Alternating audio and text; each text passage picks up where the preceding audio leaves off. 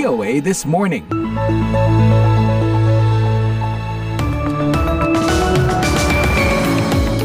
Dari Ibu Kota Amerika Washington DC. Hey, apa kabar? Selamat pagi. VOA This Morning kembali hadir untuk Anda pagi ini, Kamis 29 Juni 2023. Bertepatan 10 Julhijjah di Indonesia. Selamat Idul Adha, merayakan Hari Raya Kurban. Semoga puasa Arafah kita, salat yang kita dirikan atau akan segera kita dirikan dan kurban kita diterima Allah Subhanahu wa taala. Selamat menikmati kebersamaan karena beberapa hari cuti bersama lumayan ya melepas kita dari rutinitas dan kita bisa bergembira bersama keluarga dan kerabat pada hari yang istimewa ini.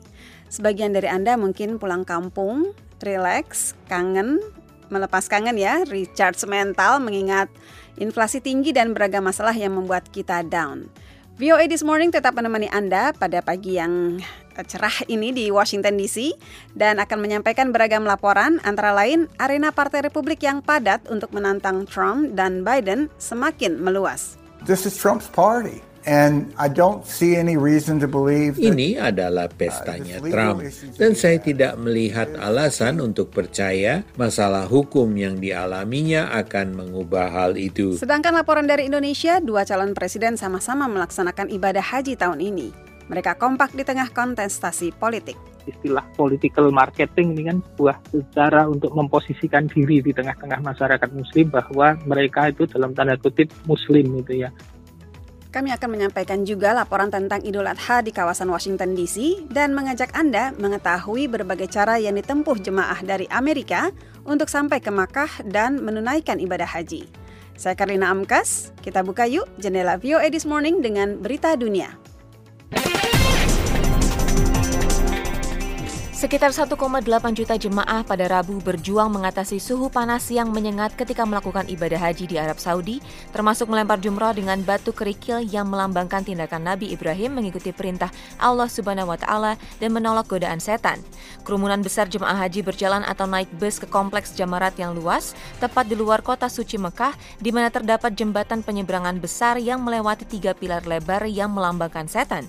Dalam suhu lebih dari 42 derajat Celcius, jemaah jemaah diwajibkan melempar tujuh batu kerikil yang telah dikumpulkan pada malam sebelumnya di tempat perkemahan yang dikenal sebagai Musdalifah. Ibadah haji diakhiri dengan menyembelih hewan kurban dan mencukur kepala bagi laki-laki atau memotong rambut sepanjang ruas jemari bagi perempuan, menandakan selesainya pelaksanaan ibadah haji. Bagian ibadah terakhir ini atau yang disebut sebagai tahallul memiliki makna spiritual dalam kehidupan sehari-hari, yaitu melepaskan diri dari semua hal yang bersifat material. Umat Islam yang tidak menjalankan ibadah haji merayakan Idul Adha dengan menyembelih hewan ternak dan membagikan dagingnya kepada warga miskin. Pelaksanaan ibadah haji tahun ini adalah yang pertama kali dilangsungkan tanpa pembatasan terkait COVID-19.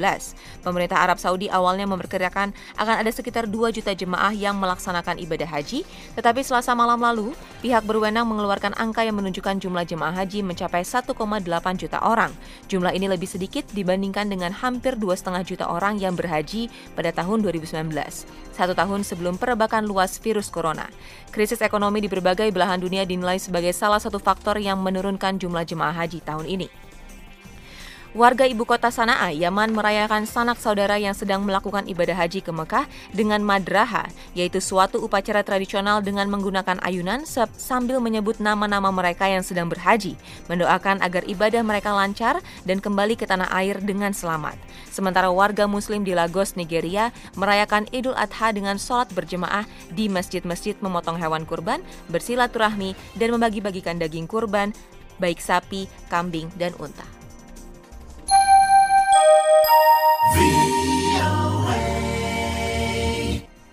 Kota Nanterre di pinggiran Paris yang menjadi lokasi penembakan seorang pengemudi remaja oleh polisi tetap berada dalam kondisi tegang pada Rabu pagi. Sejumlah mobil yang dibakar massa dan tempat-tempat sampah yang terbalik terlihat di sejumlah lokasi. Sementara karangan bunga mawar berwarna oranye dan kuning diikat ke tiang yang ditabrak mobil yang dikendarai seorang remaja berusia 17 tahun yang tewas ditembak polisi. Meluasnya kemarahan dan sekaligus bela sungkawa memicu kekhawatiran akan terjadinya aksi demonstrasi di tingkat nasional. Tak kurang dari bintang sepak bola Kylian Mbappe ikut menyampaikan bela sungkawa kepada keluarga Nael, remaja tersebut. Presiden Prancis Emmanuel Macron menyebut kematian pemuda itu tidak dapat dijelaskan dan dimaafkan. Juru bicara pemerintah Prancis Olivier Veran mengatakan polisi yang diduga melakukan pembunuhan itu telah ditahan. Le ministre de l'Intérieur a rappelé qu'une enquête judiciaire est ouverte Insiden pembunuhan itu memicu kerusuhan di beberapa kota di sekitar Paris. Menteri Dalam Negeri Gerard Darmanin mengatakan 31 orang telah ditangkap, sementara 25 polisi luka-luka dan lebih dari 40 mobil dibakar dalam kerusuhan sepanjang malam. Asap kebakaran hutan di Kanada hari Rabu menyelimuti sebagian Midwest dan pantai timur Amerika, membuat langit berkabut dan memperburuk kualitas udara, hal-hal yang menimbulkan kondisi berbahaya dan tidak sehat bagi jutaan warga Amerika. Peringatan memburuknya kualitas udara dikeluarkan di wilayah Midwest yang mencakup bagian barat Iowa hingga Illinois, Wisconsin, dan Michigan. Layanan cuaca nasional mengatakan peringatan diberlakukan sepanjang hari Rabu hingga Kamis atau bahkan lebih lama lagi. Peringatan serupa juga dikeluarkan untuk wilayah Western New York dan Pennsylvania, Washington DC, serta sebagian North Carolina. Badan Perakiraan Cuaca menyerukan warga yang tinggal di daerah-daerah itu, terutama anak-anak, orang tua, dan mereka yang memiliki penyakit pernafasan untuk membatasi aktivitas yang lama dan berat di luar rumah, dan jika memungkinkan, menggunakan masker atau tetap berada di dalam rumah.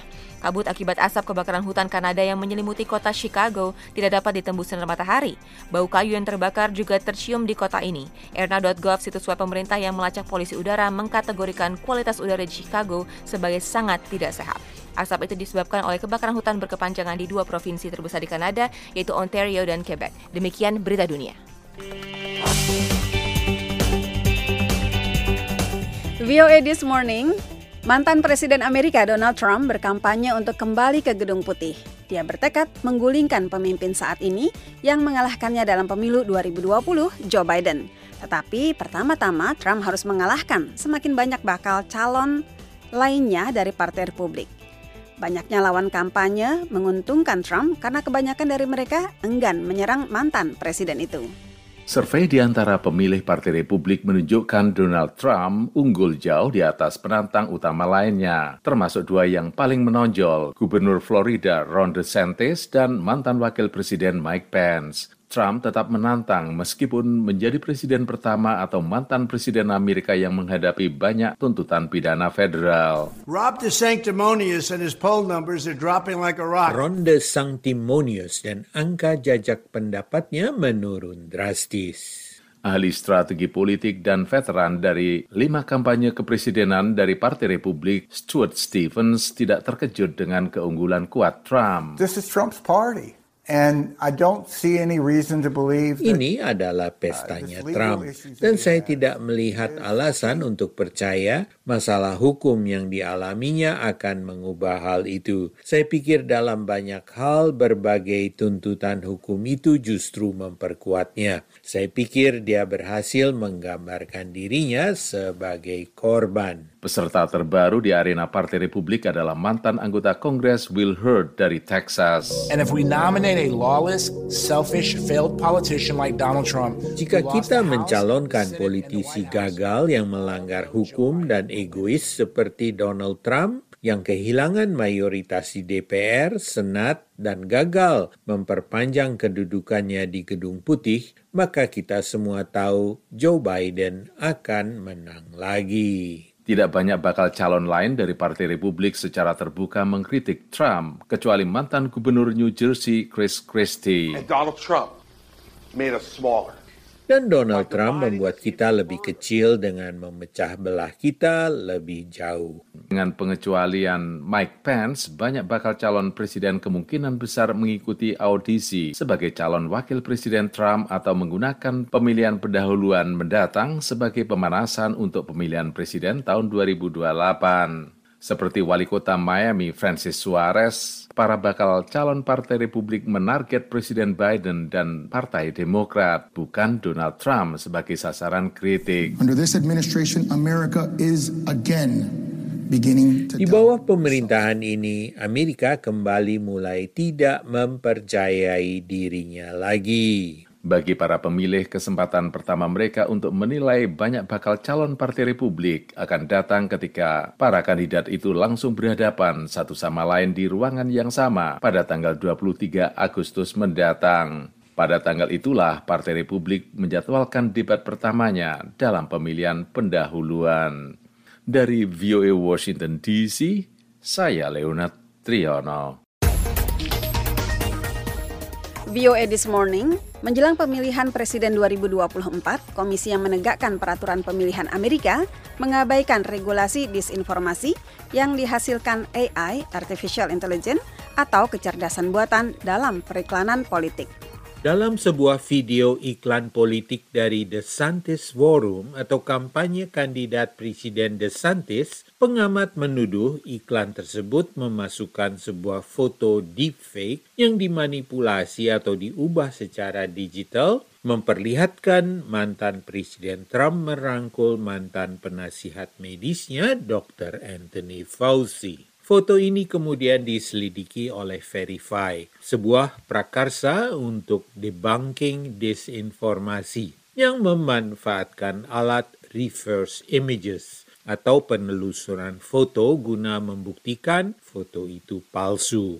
Casey Decker adalah reporter yang bekerja untuk Verify dan dia mengatakan, If you look more closely at the pictures, you can see more evidence they're AI generated. This one... Kalau Anda teliti foto itu secara lebih cermat, Anda bisa melihat bukti bahwa foto ini dihasilkan oleh AI. Namun, nama Gedung Putih salah penyebutannya dan menjadi map hub. AI sering kesulitan menuliskan teks secara akurat, dan dalam foto ini tangan Trump tidak kelihatan jempolnya. Dengan semakin besarnya kekuatan generatif AI, maka jenis foto palsu seperti ini juga bertambah dan ditujukan untuk mengelabui pemilih kata Lisa Gilbert dari Public Citizen, sebuah LSM advokasi konsumen. One of the things that artificial intelligence is able to do, uh, particularly generative AI. Salah satu hal yang mampu dilakukan kecerdasan buatan ini, khususnya generatif AI adalah dengan menciptakan video atau audio palsu yang sekilas tampak seakan-akan asli sulit untuk membedakannya dari video aslinya. Akibatnya, Public Citizen meminta kepada Komisi Pemilihan Federal AS atau FEC agar menyusun peraturan untuk iklan politik yang menggunakan foto palsu dan dihasilkan komputer karena akan menyajikan secara salah pandangan politik seorang kandidat yang merupakan sebuah pelanggaran hukum. Pada 22 Juni, komisi yang menegakkan peraturan pemilihan AS itu melakukan pemungutan suara dan memutuskan FEC tidak bisa melakukan penindakan. Public Citizen menyebut keengganan FEC ini sebagai kegagalan yang mengejutkan, sekalipun FEC dari dulu sudah terkenal sebagai sebuah lembaga yang tidak bernyali. Saat ini, sebuah rancangan undang-undang di Kongres mewajibkan iklan politik untuk memberitahukan jika generatif AI digunakan untuk menciptakan foto atau video. VOA This Morning, kini kita beralih ke Indonesia. Foto dua calon presiden, Anies Baswedan dan Ganjar Pranowo bertemu di Tanah Suci, ramai diperbincangkan publik. Pergi haji adalah ibadah bagi seorang muslim, tetapi untuk politisi, apalagi menjelang pemilihan presiden, aktivitas ini syarat makna.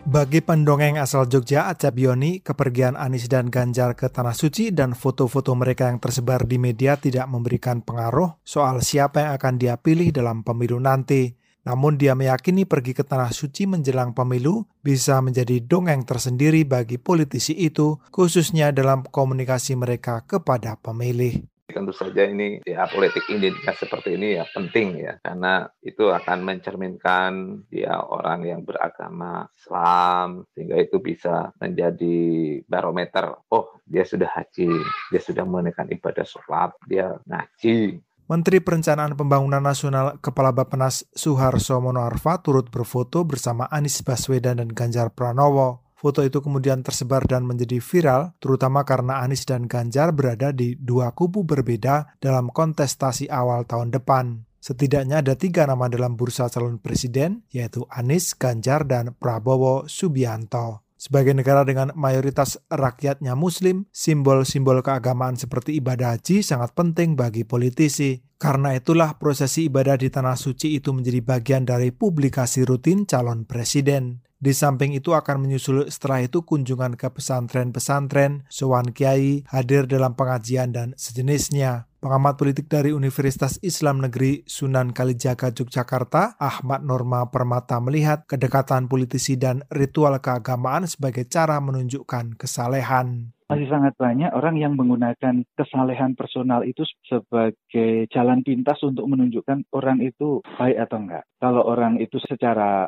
agama baik, tentu dia bisa mengendalikan emosi dengan baik, mengendalikan nafsu dengan baik, punya perhatian pada publik secara baik. Senada dengan Ahmad Norma, pengamat politik dari Universitas Muhammadiyah Yogyakarta, Tunjung Sulaksono memastikan mayoritas masyarakat Indonesia yang muslim masih menjadi pasar suara yang sangat menentukan dalam pemenangan di Pilpres 2024 bisa menjadi salah satu cara untuk mendapatkan ya positioning kan ya mas? Kalau dalam istilah political marketing ini kan sebuah cara untuk memposisikan diri di tengah-tengah masyarakat muslim bahwa mereka itu dalam tanda kutip muslim itu ya.